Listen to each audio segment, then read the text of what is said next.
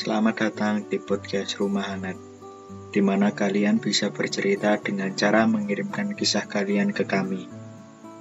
Semoga kalian gak bosan ya dengan suaraku ini, karena saya tidak pernah bosan untuk bercerita.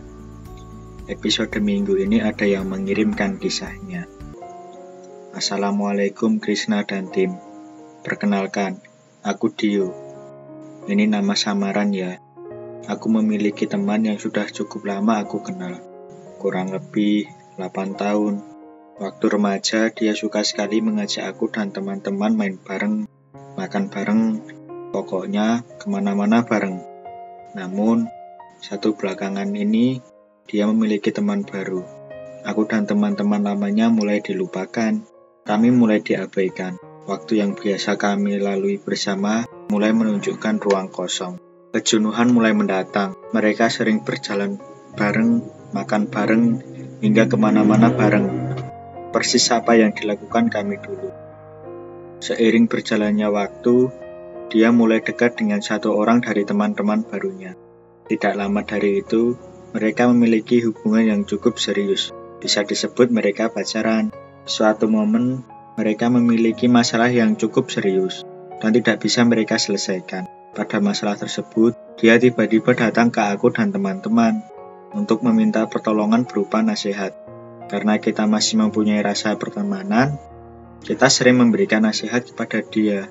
Namun, respon yang didapatkan dari dia agak mengecewakan kami. Nasihat kami tidak dihiraukan. Istilahnya, masuk telinga kanan, keluar telinga kiri tanpa adanya serapan makna yang kami lontarkan. Semenjak kejadian itu, kami kecewa berat. Teman yang seharusnya selalu ada di kala susah dan senang, malah datang pada saat susahnya saja. Mungkin ini bertanda bahwa dia tidak layak untuk menjadi teman yang selalu ada, walaupun dalam keadaan susah maupun senang. Terima kasih Krishna dan tim telah membacakan cerita ini. Semoga kalian sehat ya. Oke, pada kasus ini saya akan berpendapat bahwa pertemanan itu harus memiliki prinsip yang sama. Jika pertemanan kalian tidak memiliki prinsip yang sama, maka dalam pertemanan kalian ada yang sering terjadi permasalahan. Mungkin jalan yang dapat diambil adalah kalian beralih dari pertemanan tersebut. Buatlah pertemanan kalian yang sehat, supaya tidak ada rasa tidak enakan. Buang keegoisan kalian saat bersama. Jadilah dewasa dalam berteman, supaya kalian dapat menjadi teman yang baik. Tetap bercerita karena semesta mendengarkan ceritamu.